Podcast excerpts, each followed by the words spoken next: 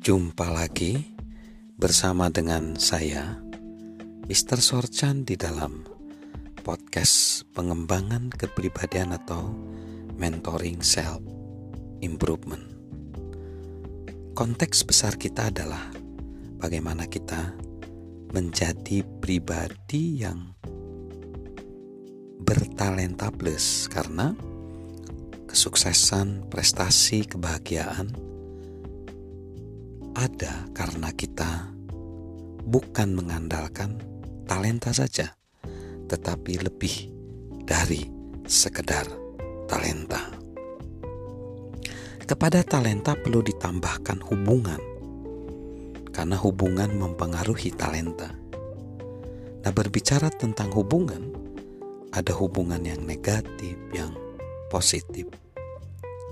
Dan kemarin kita bicara di segmen sebelumnya level-level tentang hubungan. Nah, saat ini kita akan berbicara satu hubungan yang baik yang mampu membuat kita melejit adalah hubungan solid.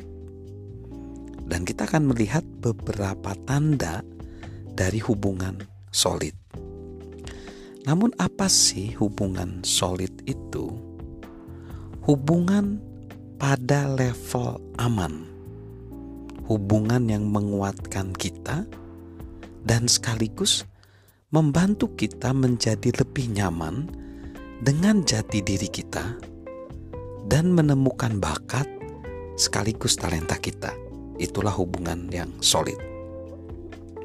Hubungan yang solid itu juga memberi nilai tambah bagi kita sehingga talenta kita benar-benar meningkat. Teman-teman kita yang solid menyampaikan fakta dengan cara yang mendukung.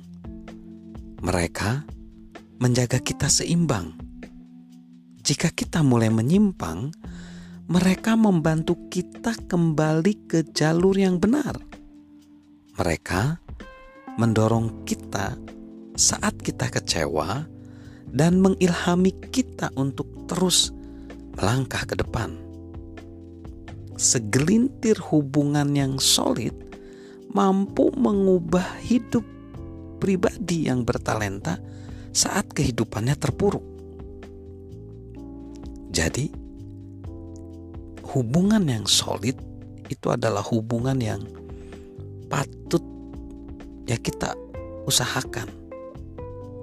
Nah, saat terlibat dalam satu hubungan, coba menemukan orang-orang yang dapat membangun hubungan yang solid bersama kita, sehingga hubungan itu saling menguntungkan.